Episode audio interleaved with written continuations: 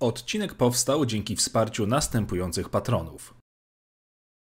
Dziękuję Wam i niech moc zawsze będzie z Wami.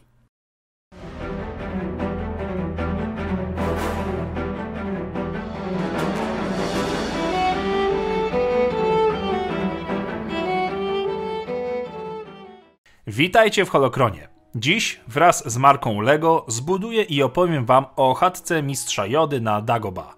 Co się w niej znajdowało? Czy skrywała jakieś tajemnice? Przekonajmy się, materiał dotyczyć będzie legend oraz kanonu. Zapraszam.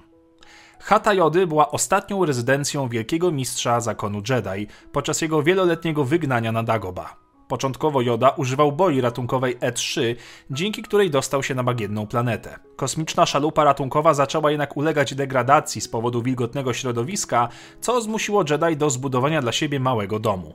Zdecydował się zbudować go na pagórku u podstawy wielkiego drzewa Gnarl pomiędzy laguną ze słodką wodą, a obszarem, w którym mógł zbierać nasiona jarum. Joda wykorzystał wspomniane drzewo oraz błoto i kamienie, by stworzyć chatkę. Z kilkoma otwartymi oknami i dwoma okrągłymi wejściami wyłożył wnętrze gładką, białą gliną, która zapewniała czysty, atrakcyjny i, co najważniejsze, suchy dom. Włączył także zapasowe źródło zasilania z boi ratunkowej. Skromna chata składała się z salonu z drewnianym pniem jako stół i z kuchni. Po środku Joda miał stanowisko do gotowania przy użyciu małego piecyka. Za nim znajdował się magazyn, w którym trzymał suszące się nasiona, jagody i zioła. Z tyłu zaś znajdował się zlew z bieżącą wodą i kolekcja przypraw mistrza Jody, a także kilka glinianych garnków i misek. Na górze wisiał strych do spania z matami i kocami, choć w ostatnich latach Joda spał na parterze. Część wypoczynkowa stanowiła resztę tego skromnego budynku. Otwarte drzwi i okna ze względu na bliskość chaty do laguny spowodowały, że Joda był odwiedzany przez wiele stworzeń. Często znajdował węże, jaszczurki, chrząszcze i kolczaste bograty biegające po podłodze. Nie miał nic przeciwko towarzystwu i wyrzucał za drzwi tylko jadowite gatunki. W legendach domek wyglądał bardzo podobnie i został wykonany w prawie identyczny sposób, z tą różnicą, że Joda hartował również resztki złomu, tworząc prymitywne artykuły gospodarstwa domowego, takie jak metalowe garnki czy metalowe pręty, którymi rzucał w luka podczas treningów z mieczem świetlnym.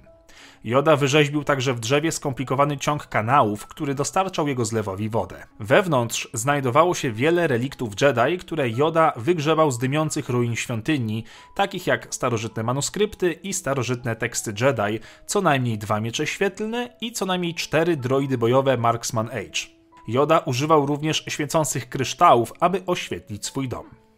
Wielki mistrz zmarł w swojej chatce w czwartym roku po bitwie o Jawin w obecności swojego ucznia Luka Skywalkera. Gdy chata była pusta, została zajęta przez bagna i wiele stworzeń, z którymi Joda zaprzyjaźnił się podczas jego pobytu. Chata zaczęła dosłownie zanikać, pochłaniana przez roślinność. Gdy Luke odwiedził to miejsce kilka lat później, nadal można było wyróżnić budowlę. Jakiś czas później chata została zniszczona przez ulewne deszcze Dagoba, zabierając tym samym chatkę Jody z powrotem w obieg natury, tak jak moc zabrała jej gospodarza. To wszystko na dzisiaj, a jeżeli wy również chcielibyście zbudować swoją chatkę mistrza Jody, to możecie to zrobić z zestawem klocków Lego Diorama Szkolenie Jedi na Dagoba, który znajdziecie w sklepach oraz w internecie. Link do zestawu zamieszczam w opisie odcinka. Dziękuję za oglądanie, ukłony dla patronów i niech moc zawsze będzie z wami.